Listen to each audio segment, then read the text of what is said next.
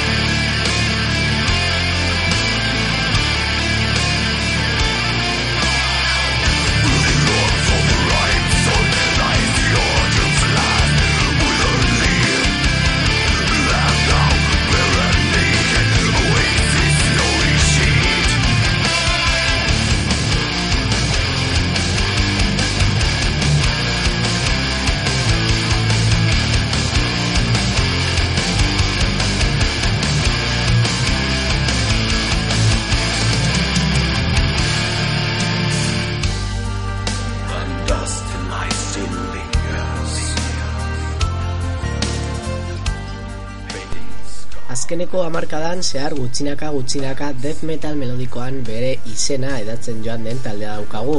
Laro geta garren urtean sortu zen Finlandiako ekialdean kokatutako joen zu izeneko herrian, genero honen limiteak birplanteatzeko helburuekin. Azteko, bidemo eman zioten hasiera karrera honi 2000 batean aurkeztu eta Britania handiko Candlelight Records disko etxearekin sinatuz. Momentu horretan zeuden irukoteari azkeneko gitar jolea batu eta gaur arte izan dugun laukotea osatu egin zen. Horrela, urrengo urterako baseukaten prest beraien lehenengoko debut albuma In the House of Awaiting izenarekin, beraien atmosfera melodikoa hasieratik jorratuz. Horrekin guztiarekin, Eskandinaviako death metala eta Finlandia rafinazio grabeak riff gogor melodikoekin kombinatzea izan da beraien sinadura. Albuma mundu osora zabaltzea lortu zuten, baina taldea berez Finlandiaren sekretu modura jarraitu izan zuen. Debut horren soinu adibidetzat daukagu The Elder abestia, orain entzungai, posatu.